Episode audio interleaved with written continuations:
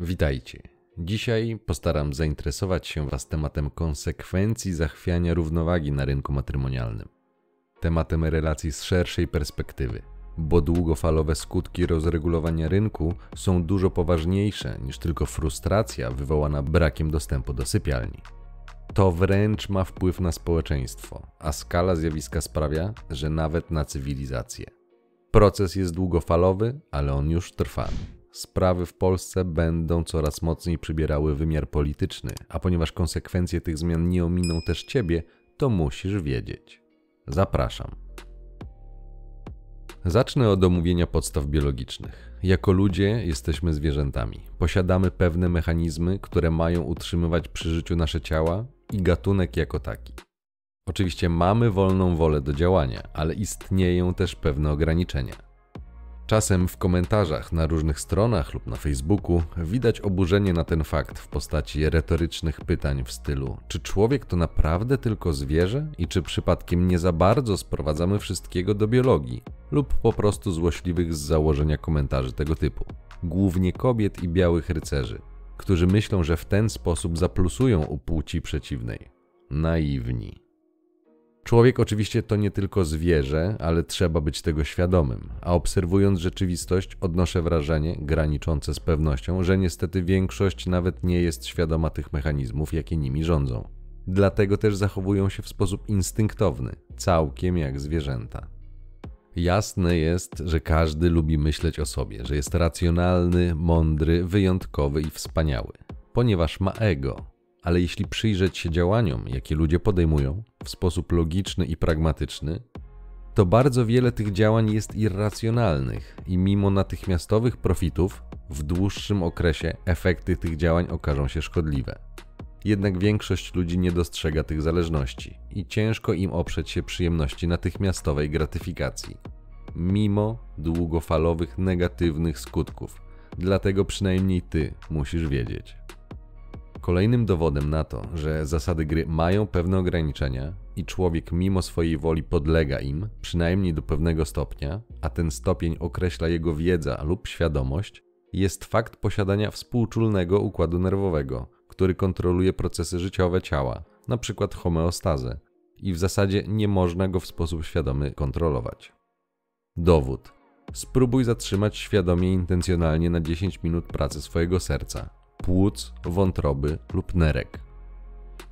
Nie możesz, a więc pewne aspekty naszego życia kontroluje biologia i nie mamy na to wpływu, przynajmniej na tym poziomie rozwoju. Brak wiedzy lub świadomości wpływu tej biologii sprawia, że ludzie zachowują się w sposób przewidywalny, ponieważ te mechanizmy są przewidywalne. Dlatego do znudzenia powtarzam: poznaj siebie i stąd też nazwa tego kanału, musisz wiedzieć. W obecnych czasach w Polsce, ale i na świecie, jest to dużo ważniejsze niż jeszcze 20 lat temu, a będzie jeszcze gorzej, gdy obecne pokolenie Julek, poddane działaniu fałszywych ideałów, dorośnie. Mechanizmy biologiczne, które dziś przybliżę w kontekście relacyjnym, współczesna nauka zna pod nazwą strategii reprodukcyjnych. Dla zwolenników teorii Darwina te mechanizmy są wynikiem milionów lat ewolucji, dla zwolenników kreacjonizmu tak stworzył nas Bóg lub kosmici, ale faktem jest, że podlegamy pewnym regułom gry w tym zakresie. Celem natury jako całości nie jest zapewnienie człowiekowi indywidualnego szczęścia i przyjemnego życia, lecz na biologicznym poziomie przetrwanie gatunku i reprodukcja. Tylko to się liczy. O szczęście musisz zadbać sam. Niektóre indywidualne działania jednostek, które sprzyjają przetrwaniu, są przez naturę premiowane. Inne, które są nieefektywne, na drodze selekcji naturalnej z czasem zanikną, ponieważ jeśli są nieefektywne, to nie prowadzą do sukcesu reprodukcyjnego, czyli do nieprzekazania genów dalej i w konsekwencji do wymarcia. Według obecnego stanu nauki akademickiej takie są zasady gry. W naszym gatunku występuje dymorfizm płciowy, czyli mamy osobniki męskie i osobniki żeńskie. Każdy osobnik, niezależnie od płci, kieruje się tą biologiczną chęcią przetrwania. Jest to gdzieś na najbardziej pierwotnym poziomie wdrukowane w DNA, podobnie jak instynkt samozachowawczy. Oczywiście nie każdy podlega temu w dokładnie takim samym stopniu i w takim samym czasie, ponieważ wpływają na to różne czynniki, ale niewątpliwie jesteśmy częścią tej biologii. Widać to szczególnie silnie u kobiet po trzydziestce, kiedy to zegar biologiczny informuje, że najwyższy czas na potomstwo. Komunikat jest wtedy donośny jak dzwon Zygmunta na Wawelu. Doskonale wiedzą to panowie, którzy rozpoczynali znajomości lub wchodzili w relacje z paniami po trzydziestce. Wiele z nich dziwnym trafem bardzo szybko zaczynało mieć parcie na założenie rodziny. To nie jest przypadek, to jest biologia. Osobiście często słyszałem, że wtedy, to znaczy po trzydziestce, one już się wyszumiały i czas się ustatkować. Cóż za zdumiewający zbieg okoliczności i powtarzalność schematu. Dlatego nie można pominąć biologii, żeby dobrze zrozumieć rynek matrymonialny i konsekwencje zachwiania równowagi. Jeśli nie oglądałeś, to przypominam odcinek o SMV, ponieważ słowa pań po trzydziestce zadziwiająco pokrywają się ze zmniejszeniem ich atrakcyjności na rynku matrymonialnym, wynikającym ze zbliżającej się ściany. To w żadnym razie nie jest przypadek, to jest biologiczna strategia reprodukcyjna. Dlatego musisz wiedzieć, jakimi strategiami posługują się kobiety, jako druga strona męsko-damskiej gry. Gdy wiesz już, że podstawowym celem biologicznym jest przetrwanie i podtrzymanie życia, czego kolejnym dowodem jest na przykład główna funkcja gadziego mózgu, który ma pierwszeństwo nad innymi częściami, aby zwiększyć szanse na przeżycie w sytuacjach kryzysowych i sukces reprodukcyjny przez wywołanie podniecenia przy zdatnej do kopulacji kobiecie, to możemy przejść do zasadniczej części odcinka. Strategie reprodukcyjne to zestaw wszystkich działań zmierzających do realizacji celu, jakim jest spłodzenie zdrowego i możliwie silnego potomstwa, które będzie miało jak największą szansę przeżyć. Na najniższym poziomie nie ma to nic wspólnego z moralnością ani etyką, liczy się przetrwanie. Kiedy zasady moralne naszej cywilizacji były silniejsze, nie było widać tego tak bardzo. Dzisiaj, pod wpływem lewicowych ideologii, głównie kulturowych, obserwujemy coraz szerszy odwrót od wartości, a to oznacza nieuchronny powrót do biologii. Postępowanie według strategii reprodukcyjnych często nie jest świadome i mimo iż ta wiedza jest już dostępna od dziesięcioleci, to mało kto, poza specjalistami z kręgów akademickich oraz praktykami uwodzenia, ma jej świadomość, o korzystaniu z niej nie wspominając. Mówię o tym, dlatego że jeżeli będziesz chciał zrozumieć zachowania ludzi, a z męskiej perspektywy szczególnie istotne są, rzecz jasna, zachowania kobiet, to ta wiedza na rynku matrymonialnym jest bardzo, ale to bardzo potrzebna. Chociażby po to, aby nie napytać sobie biedy przez białorycerskie postępowanie rodem z bajek Disneya i komedii romantycznych. Te ostatnie zresztą fałszują obraz rzeczywistości, ponieważ tworzą fałszywe przekonania na temat tego, jak naprawdę wygląda rynek i jakie zasady na nim panują. Co wytwarza złudne nadzieje i oczekiwania, które będą powodem frustracji i rozczarowania u zdecydowanej większości ludzi, niestety tak mężczyzn, jak i kobiet. Strategie reprodukcyjne obydwu płci są odmienne i mimo iż na niższym taktycznym i operacyjnym poziomie stosowane są różne metody, aby osiągnąć ten cel, to w swojej istocie sprowadzają się u mężczyzn do po pierwsze wyszukania jak największej ilości dostępnych kobiet chętnych do odbycia stosunku, a dopiero w drugiej kolejności do inwestowania w kobietę i potomstwo. Odzwierciedlenie tych strategii zawiera się w jednym zdaniu: alfa szmaci, beta płaci. Dlaczego? Bo alfa może, a beta musi. Przykro mi, takie są zasady gry. Mężczyźni, którzy posiadają cechy samców alfa, czyli takich, którzy mają wysoką wartość mierzoną SMV, preferują przelotne znajomości i ogólnie mają więcej atrakcyjnych partnerek oraz nie tolerują kobiecej dominacji w związku.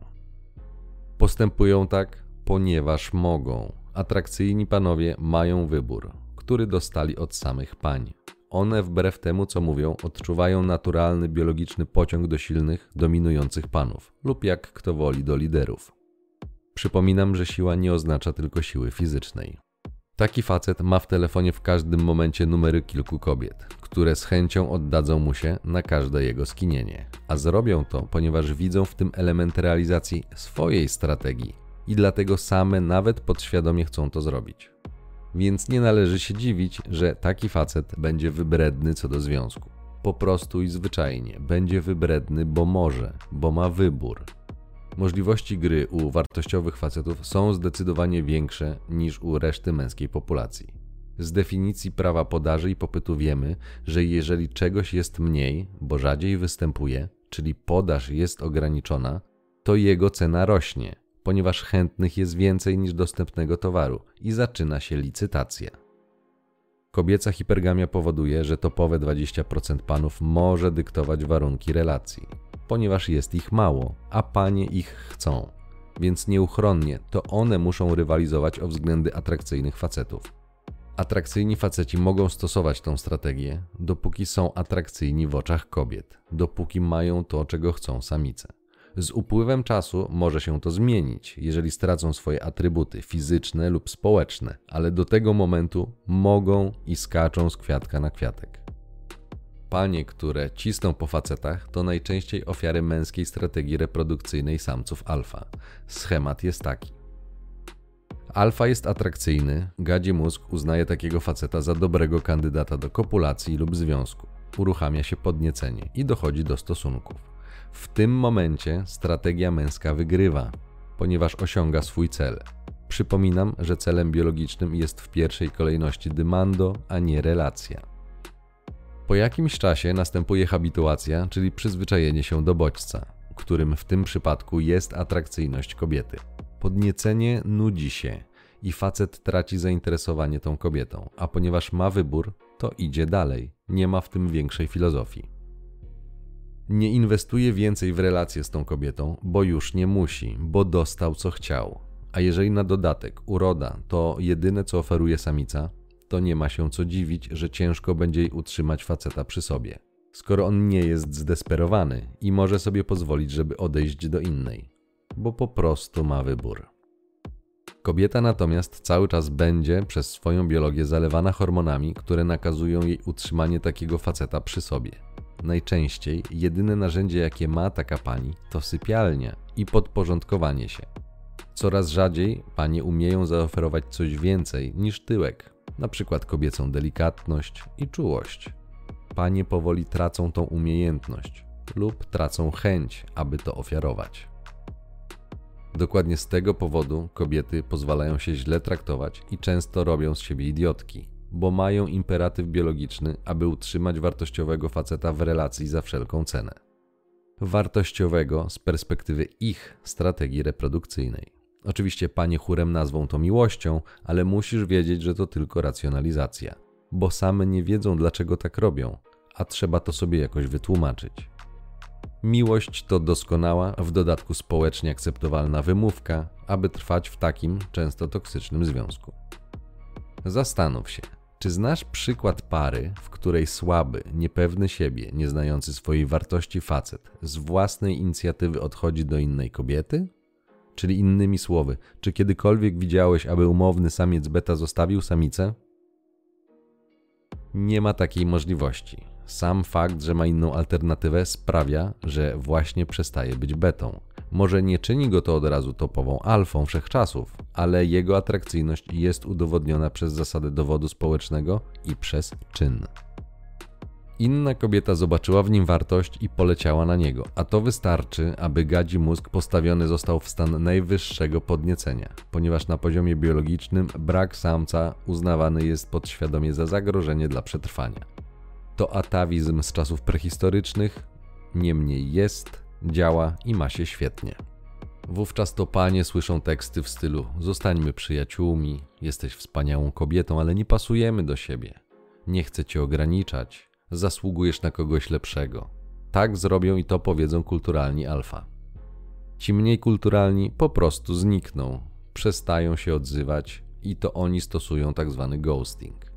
Wiem jak to działa, ponieważ gdy poznałem zasady gry, sam to robiłem i widziałem jaki efekt to przynosi. W ten sposób tworzą się alpha widows, wdowy po alfach. Silne emocje, high hormonalny, które kobiety utożsamiają z miłością, a następnie bolesne odrzucenie. To uzależniająca mieszanka i przy okazji huśtawka emocjonalna. Zabranie atencji i odejście mężczyzny to strzał w samoocenę kobiet, które w zdecydowanej większości, aby chronić obraz siebie, zastosują mechanizm ochrony ego w postaci wyparcia. Stanie się tak, ponieważ tak jest łatwiej. niż obiektywnie stwierdzić przed samą sobą, że źle wybrałam partnera, któremu dałam to, co najcenniejsze z biologicznej perspektywy. Społeczeństwo mówi i zachęca, że kobieta może robić to, co robi facet. Nie mówi tylko, że każde działanie ma konsekwencje, dlatego musisz wiedzieć, bo to poprawi Twoje rozumienie zasad gry. Po takim odrzuceniu istnieje szansa, że pani będzie chciała odzyskać zachwianą pewność siebie i potwierdzić swoją wartość. Więc co zrobi? Sięgnie po rozwiązanie, jakie zna. Z powrotem wsiądzie na karuzelę. Dodatkowo sprzyja temu psychologiczny mechanizm kompensacji. Druga męska strategia reprodukcyjna to strategia samców beta, czyli rola dostarczyciela zasobów, providera. Trzeba otwarcie powiedzieć, że większość mężczyzn stosuje tą strategię, a przynajmniej stosowała. Obecnie przestaje ona być efektywna, ponieważ pozwala na wykorzystanie faceta w majestacie prawa i te skutki dają się matematycznie przewidzieć na podstawie teorii gier. Facet, który nie ma aparycji Adonisa, stara się przyciągnąć kobiety swoją zdolnością do zapewnienia bytu materialnego oraz zaangażowania się w wychowanie potomstwa. Nie miej złudzeń. Beta, gdyby mógł, stosowałby strategię alfy. Ci, którym udało się na przykład podnieść swój status finansowy, zauważyli większe zainteresowanie ze strony pani i niewątpliwie z tego skorzystali. Strategia beta jest dla samicy atrakcyjna, ponieważ ona nie musi poświęcać tyle swojej własnej energii na opiekę i wychowanie, i jeszcze gromadzenie zasobów. Nie miej złudzeń, wychowanie potomstwa to wielkie poświęcenie, a ponieważ jest tak duże, to z ewolucyjnego punktu widzenia potrzeba do tego rodziny. Strategia beta ma pewne ryzyko, mianowicie takie, że dziecko nie będzie jego. Alfa szmaci, beta płaci. Dlatego panie dostają takiej wścieklizny na samo wspomnienie o zrobieniu testów DNA. Wiem, bo sprawdziłem. Nawet jeżeli dziecko jest tego faceta, to taki test wymusza wierność, ponieważ zwiększa się ryzyko przyłapania, co tym samym zwiększa kobiece koszty relacji. Bo nie miej złudzeń, wierność ma koszt alternatywny, a nikt nie lubi płacić, każdy woli dostawać. Strategia providera jest na drugim spektrum adaptacyjnym, ponieważ mniej atrakcyjny facet nie ma takiego wyboru i dostępu do atrakcyjnych fizycznie, czyli w domyśle płodnych samic, więc musi inaczej zachęcać je do relacji ze sobą.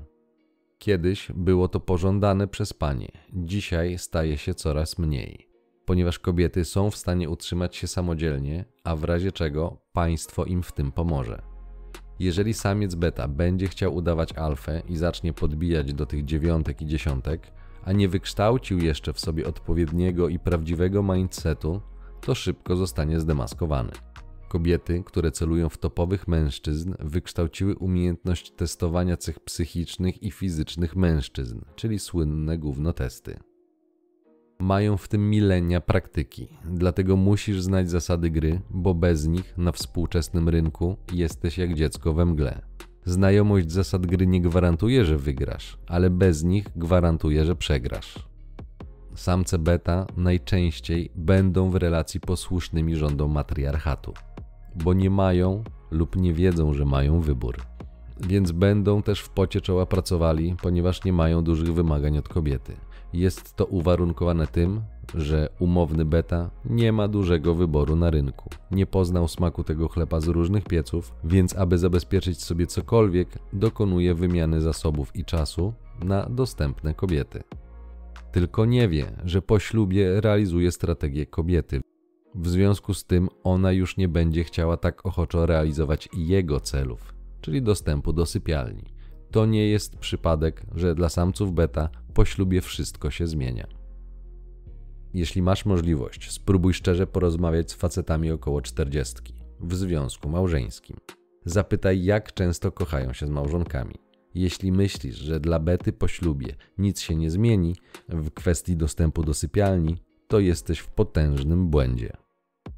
Wiadomo, że to, jaką strategię działania wybierze się, jest uzależnione od tego, czym się dysponuje, od swoich możliwości i swojego własnego potencjału. Z tego powodu w praktyce najczęściej obserwuje się strategie mieszane, czyli kilka taktyk alfy i kilka zachowań bety, w zależności od kontekstu oraz kobiety po drugiej stronie gry. gra się tak, jak pozwala przeciwnik. Wygrywa ten, kto narzuci swoją perspektywę, swoje postrzeganie świata, swoją ramę. Wiedząc powyższe, możesz już bez problemu wywnioskować, dlaczego historie w stylu 50 twarzy Greya stają się takimi hitami. Masz tam biologiczne marzenie prawie każdego kobiecego gadziego mózgu na planecie. Zabójczo przystojny, co jest oznaką dobrych genów. Właściciel korporacji, to znaczy na szczycie hierarchii społecznej. I miliarder, co oznacza, że przyszłość materialna jest aż nadto zabezpieczona. Więc nie będzie dla ciebie szczególnie trudnym do przewidzenia, że w trzeciej części bohaterka powieści zachodzi w ciążę. Przecież nie mogło być inaczej. Trzecią męską strategią nie będę się zajmował, ponieważ za jej zastosowanie grozi paragraf 197 kodeksu karnego. Jak możesz się już domyślić, w przypadku kobiet strategiczne cele reprodukcyjne są również dwa: znalezienie jak najlepszych dostępnych genów oraz zabezpieczenie możliwie największych zasobów materialnych i wsparcia, które pozwoli wychować potomstwo. Preferencje kobiet będą zmieniały się z wiekiem. Młodsze będą bardziej zainteresowane przyjemnościami i korzystaniem z życia. Starsze panie, gdy okno reprodukcyjne zacznie się zamykać, staną przed trudnym wyborem: obniżyć swoje standardy, byleby ktoś chciał strzelić gola i wejść z nimi w związek, albo przygotować się do zakupu lub adopcji czworonożnych przyjaciół. Mogą też oszukać mężczyznę co do antykoncepcji i w ten sposób wmanewrować go w niechciane ojcostwo. Dlatego polecam nauczyć się dostrzegać i kontrolować swoje podniecenie. Panie nie lubią, kiedy to nie one kontrolują męskie podniecenie, ponieważ zabierasz im w ten sposób główny w obecnych czasach oręż. Zmiana preferencji nierozerwalnie wiąże się ze zmianą możliwości. To, co na rynku matrymonialnym uchodzi płazem 23-latce, nie przejdzie u 40. Nie daj się nabrać, że jest inaczej. Takie są zasady gry. Każda z tych taktyk dla osiągnięcia celu wybierana jest w zależności od SMV własnego i kobiety. Atrakcyjna pani nie musi być miła, bo faceci i tak będą chcieli się z nią przespać. Nieatrakcyjna musi być miła, bo inaczej nikt nie zwróci na nią uwagi w kontekście relacyjnym tak jak samiec beta, musi dostarczyć wartość materialną, bo inaczej nie będzie brany pod uwagę, lub mocno zmniejszy swoje dostępne opcje. Taktyki i zagrywki stosowane w celu realizacji strategicznych celów reprodukcyjnych omówię w osobnym odcinku. Dzisiaj interesuje mnie bardziej globalny wymiar wpływu strategii reprodukcyjnych na społeczeństwo i państwo. Te mechanizmy oraz nakazy kulturowe powodowały, że na rynku matrymonialnym z czasem zapanowała względna równowaga. Brak możliwości, chociażby technologicznych, powodował, że pani nie miała takiego dostępu do męskiej atencji, jak ma to miejsce dziś. Trudniejsze ekonomicznie czasy również wymuszały współpracę w celu wychowania potomstwa. Współpraca opłacała się obu stronom. Jeżeli chcesz dowiedzieć się więcej, dlaczego ludzie sobie pomagają, poczytaj o teorii altruizmu wzajemnego Triversa. O dostępie do panów w dużej mierze decydował krąg socjalny, w jakim obracała się kobieta. To sprawiało, że bez zmiany środowiska i otoczenia ciężej było upolować topowego mężczyznę, a więc musiała wybierać z dostępnych w jej kręgu towarzyskim. Globalna wioska sprawiła, że konkurencja z lokalnej stała się globalna. Obrazują to eksperymenty na portalach randkowych, Instagramie i innych social mediach. Tamten, nazwijmy to, układ sił powodował, że stosujący strategię beta mieli dużą szansę na sukces reprodukcyjny, czyli założenie rodziny i wychowanie potomstwa. Patrząc na populację jako całość, skutkowało to tym, że wśród mężczyzn i kobiet na rynku matrymonialnym panowała względna równowaga. Patrząc na historię, taka strategia dla obojga płci była stabilna ewolucyjnie, czyli nikomu nie opłacało się zmieniać zasad gry z globalnego, gatunkowego punktu widzenia. Niestety w życie rodziny zaczęło wchodzić państwo, coraz częściej zastępując rolę dostarczyciela, czyli podkopując podstawy męskiej roli w strategii reprodukcyjnej kobiety. Sytuacja ekonomiczna też nie jest tu bez znaczenia, ale to temat na inny odcinek. Zwróć uwagę, ile jest domów pomocy samotnym ojcom, a ile samotnym matkom. Zwróć uwagę, kto zazwyczaj wychodzi lepiej na rozwodzie i czyim kosztem. To tłumaczy, dlaczego większość pozwów rozwodowych jest zgłaszana przez kobiety, ponieważ wiedzą, że ich bezpieczeństwo będzie zapewnione przez państwo i całą machinę biurokratyczną. W związku z tym zachęta do pielęgnowania relacji jest niewielka, a zachęta do wykorzystania systemu bardzo duża. Wprost przewiduje to teoria gier i zasada maksymalizacji zysku. Patrząc na obecne trendy w działaniach państwa, nie trzeba być wielkim matematykiem ani prorokiem, aby przewidzieć, jaki w kolejnych latach i dekadach będzie rozwój rynku. Ilość małżeństw, ilość rozwodów, a także współczynnik dzietności. Na dodatek możemy obserwować kraje zachodnie, aby zauważyć, że mamy około ćwierć wieku opóźnienia w stosunku do tego, co dzieje się na przykład w USA i że w taką samą lewicową stronę zmierza Polska. Problem z poziomu jednostki zacznie przenosić się do rangi polityki, ponieważ istnieje naturalny biologiczny konflikt interesów, które do tej pory dało się niwelować poprzez wychowanie i po części religię.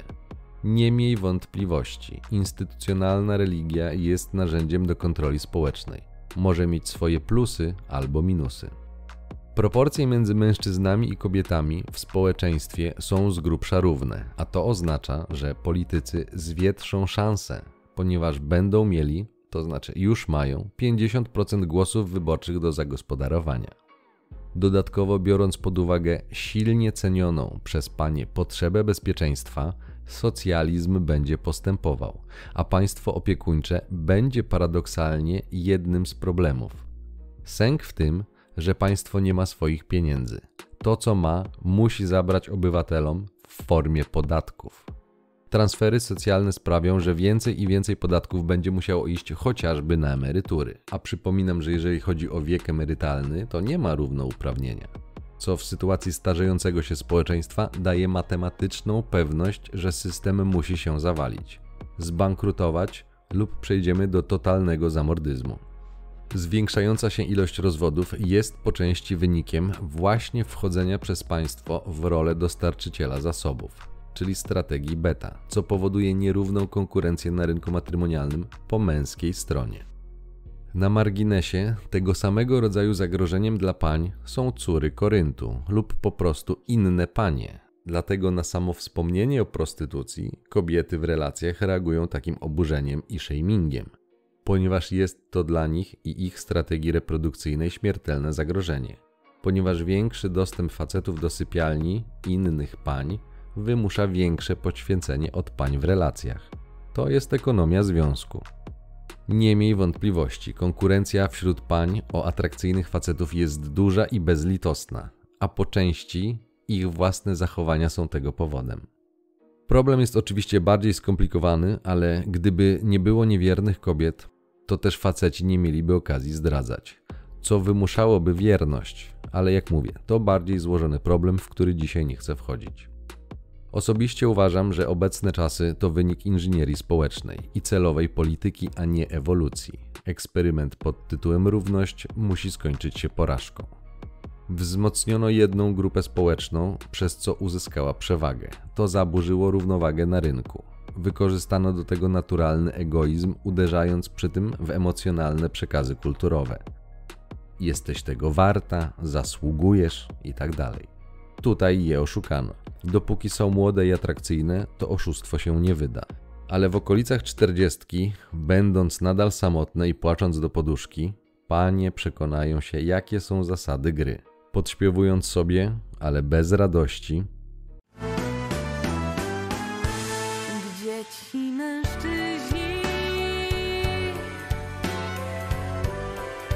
prawdziwi Zauważ, że po 20 latach jazdy na karuzeli żadna kobieta nie skojarzy zależności między decyzjami i swoim postępowaniem podjętym na podstawie fałszywie zaszczepionych przekonań, a swoim nieszczęściem, standardowo zrzucając winę na panów. Dlatego nie dziw się, jeśli zauważysz shaming z ust niespełnionych kobiet w okolicy i po czterdziestce. Nie może być inaczej, bo zostały oszukane, a to nieuchronnie będzie wzmacniało konflikt między płciami.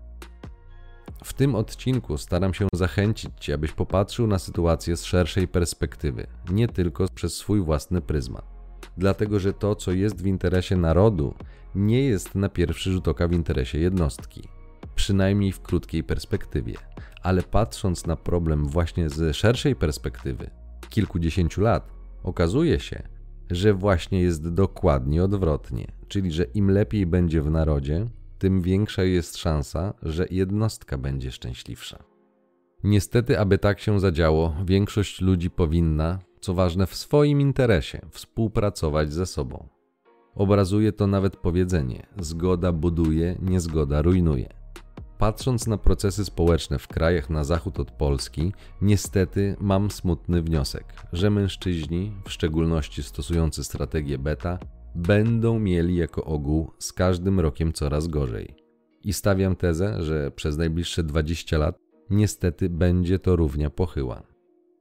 Nie liczę na opamiętanie się pań, dlatego że nie są promowane wartości, które zbliżają je do szczęścia. Kultura i społeczeństwo ma możliwość tłumienia biologicznych uwarunkowań, czego dowodem było wprowadzenie instytucji małżeństwa. Wprowadzona religijnie i prawnie usankcjonowana monogamia sprawiła, że więcej mężczyzn mogło znaleźć partnerki dla siebie, a i same kobiety nie musiały tak ryzykować, że topowe 20%, które realizuje ich instynkt hipergami, po konsumpcji nie odejdzie i nie zostawi ich w ciąży bez wsparcia. Wbrew pozorom, trwałe i stabilne pary są również dobre dla kobiet. Jednak wmawia im się co innego. To będzie miało, a w zasadzie już ma swoje konsekwencje. Dodatkowym czynnikiem, który zachwiał stabilnością równowagi między strategiami reprodukcyjnymi, było wprowadzenie skutecznej antykoncepcji, o której wcześniej już wspomniałem. Dlatego, że bez tego kobiety musiały być bardziej ostrożne i dużo bardziej rozważne w doborze odpowiedniego partnera do sypialni, ponieważ ryzyko ciąży było dużo większe. Teraz, kiedy to ryzyko zostało praktycznie wyeliminowane, a nawet jeżeli zdarza się faktyczna wpadka, to państwo narzuca na mężczyznę obowiązek łożenia na dziecko, którego facet nie może się zrzec, to powoduje nierówność, ponieważ zabezpiecza interesy ekonomiczne kobiet kosztem mężczyzn. Moje ciało, mój wybór jest ok, gdy mówi to kobieta, ale założę się, że jeśli facet powie moja sperma, mój wybór, to już nie będzie ok. Ładna mi równość. Natomiast kobieta może się tego obowiązku bezkarnie zrzec, na przykład oddając dziecko w oknie życia. Dlaczego facet nie ma takiego samego prawa i nie może bez konsekwencji uchylić się od skutków działania swojego popędu? Dokładnie tak, jak może to zrobić kobieta. A przecież w pewnym sensie można powiedzieć, że ze względu na działanie gadziego mózgu podczas stosunku facet działa w stanie ograniczonej poczytalności, który część kobiet wykorzystuje, łapiąc na przykład faceta na dziecko. Oczywiście nie chodzi o równouprawnienie, ale o przywileje i o pogłębienie tej nierównowagi. Dlatego nie ma i nie będzie naturalnych zachęt, aby kobiety zachowywały się odpowiedzialnie w sferze seksualnego dostępu do siebie.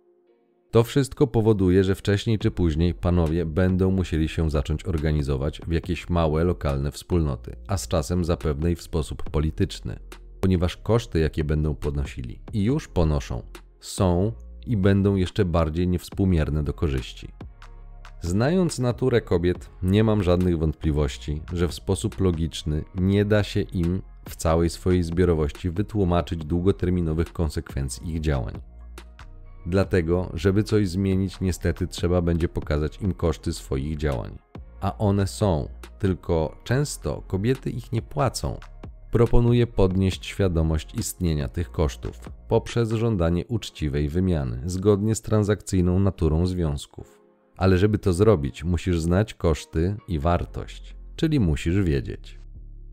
Kiedy podniesie się męska świadomość co do prawdziwych zasad gry i panowie zaczną wymagać od pań, a nie tylko obdarzać ich darmową atencją, czym zmniejszają swoją rolę i pozycję w relacji, to zmieni się układ sił nie ma darmowych obiadów, zawsze ktoś musi za to zapłacić. Przypominam, że konflikt interesów i tak istniał od zawsze, ale udawało się go minimalizować. Dzisiaj widzę, że jest on podsycany. Część mężczyzn zobaczyła już tą nierównowagę i postanowiła odejść od stolika lub podnieść stawkę. To też jest metoda na poskromienie hipergami. Zmiana zachowań i brak rozdawania atencji, na przykład w internecie, spowoduje, że niektóre panie będą musiały wrócić na ziemię ze swoimi oczekiwaniami, ponieważ będą nieprzyjemne konsekwencje. Ubolewam tylko, że dotrze to do nich, kiedy będzie już za późno. Niestety, problem jaki widzę jest taki, że zanim to nastąpi, będzie musiało upłynąć dużo czasu zanim kolejne pokolenie zobaczy armię samotnych i nieszczęśliwych kobiet i zacznie zadawać pytanie dlaczego. A i tak zapewne wiedzie racjonalizacja i winny będzie w ich oczach zawsze facet. Już media i ich narracja w tym pomogą. Szkoda. Więc niestety, aby przywrócić względną równowagę zgodnie z teorią gier, trzeba zacząć generować paniom społeczne koszty ich nieodpowiedzialnych działań. Obecnie w dużej mierze są z nich zwolnione. W tym momencie panie nie muszą płacić za swoje nieodpowiedzialne działania, więc nie mają potrzeby zachowywania się odpowiedzialnie, bo płaci za to kto inny. Jak długo zdejmowana jest z nich odpowiedzialność, tak długo będą zachowywały się nieodpowiedzialnie. Dlatego apeluję do ciebie: nie bądź mięczakiem ani simpem, ponieważ w dzisiejszych czasach to droga donikąd. Po prostu szanuj siebie i nie stawiaj kobiet na piedestale. Zamiast tego zacznij wymagać. Wiem, że mając powiedzmy 20 lat, testosteron buzuje i w głowie jest co innego niż polityka. Ale to, że nie interesujesz się polityką, wcale nie oznacza, że polityka nie interesuje się tobą. Poważne problemy niestety są już na horyzoncie. Czarne chmury są już nad nami, a perspektywy są jeszcze gorsze. Naprawdę szkoda mi najbliższego pokolenia, ponieważ to będzie stracone pokolenie.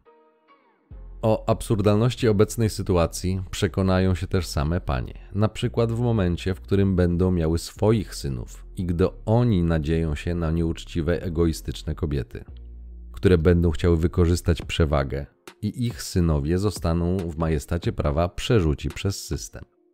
Płacz matki wtedy nic nie pomoże. Odgrywanie roli ofiary nic nie da. Panie zdają się nie widzieć tego ryzyka, ale ono jest i też muszą wiedzieć ponieważ jest to w ich interesie. Chyba, że nie chcą dla swoich dzieci lepszego życia, no to wtedy faktycznie ich działania są racjonalne. Przykro mi panowie, samo nic się nie zmieni, dlatego poszerzajcie swoją świadomość, wiedzę i możliwości. Nieświadomi faceci, kiedy zaczną zauważać zadowolonych, niespantoflonych kolegów, sami zaczną się tym interesować, bo będą po prostu ciekawi, jak to możliwe i będą zazdrościli.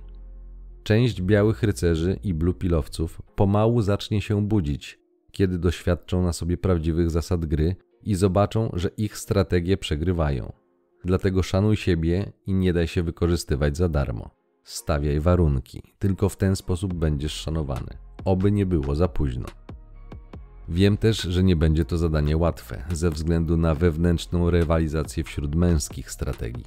No cóż, takie są zasady gry, ale od czegoś trzeba zacząć. Trzeba zacząć walczyć o siebie najpierw na poziomie jednostki, później na poziomie najbliższego kręgu znajomych. W przeciwnym razie czeka nas piekło mężczyzn. Na razie mamy saunę, ale już zaczyna parzyć. Obiektywnie należy zauważyć, że męskość jest w defensywie.